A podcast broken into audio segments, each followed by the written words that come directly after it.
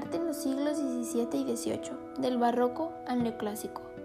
En Italia del siglo XVII, los artistas rechazaron la armonía y el equilibrio del arte renacentista e iniciaron un nuevo estilo más, más imaginativo y espectacular, el barroco. Con la irrupción de la ilustración en el siglo XVIII, el arte retornó hacia la estética clásica. El arte barroco.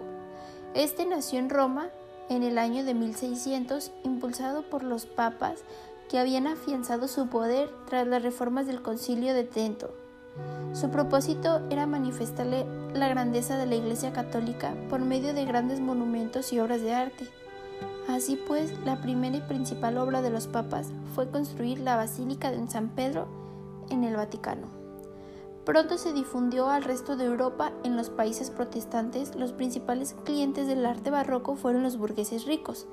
También fue el estilo adoptado por las monarquías absolutistas, que lo utilizaron tanto en sus palacios como en el urbanismo de las ciudades.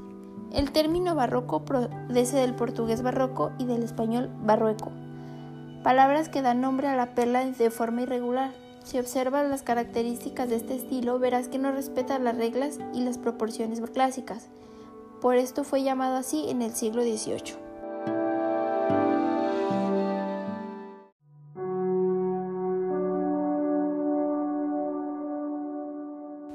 Características del barroco. Los artistas del barroco no aportaron grandes innovaciones técnicas, pero rompieron con los cánones renacentistas. El arte barroco rechaza la razón y el equilibrio, busca lo irracional, lo fantástico y el exceso. Se representa en la realidad exagerando lo imperfecto. La finalidad del arte es impresionar y conmover, por lo que tiende a hacerla creando obras espectaculares.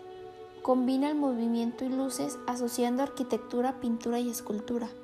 El movimiento se consigue con la utilización de curvas y formas geométricas complicadas en la arquitectura, la tensión, la utilización de temas dramáticos y atormentados en el juego de luces y sombras de escultura y pintura.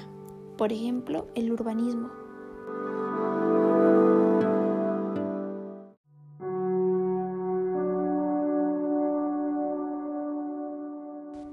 El periodo barroco coincidió con el Renacimiento italiano, por lo que no es una sorpresa que los dos movimientos compartieran algunas similitudes estilísticas. Tanto los artistas del Renacimiento como los del Barroco emplearon el realismo, colores intensos y temas religiosos o mitológicos, mientras que los arquitectos que trabajaban en ambos estilos favorecían el equilibrio y la simetría. Sin embargo, lo que diferencia el estilo barroco de su contraparte renacentista es su extravagancia, una característica presente tanto en su arte como en su arquitectura.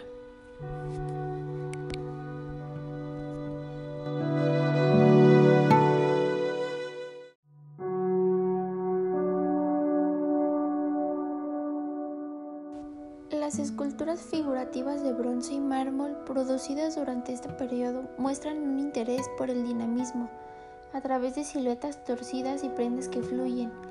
Escultores como Bernini pudieron invocar el movimiento. Otros elementos como fuentes de agua o a menudo realzaron este enfoque teatral. Esto quiere decir que hacían las esculturas como si se estuvieran moviendo, que pareciera que tuvieran movimiento. Al igual que las estatuas del Renacimiento, las esculturas barrocas a menudo estaban destinadas a adornar edificios majestuosos. También fueron comisionados para otros lugares ostentosos, como deslumbrantes interiores de iglesias y jardines reales.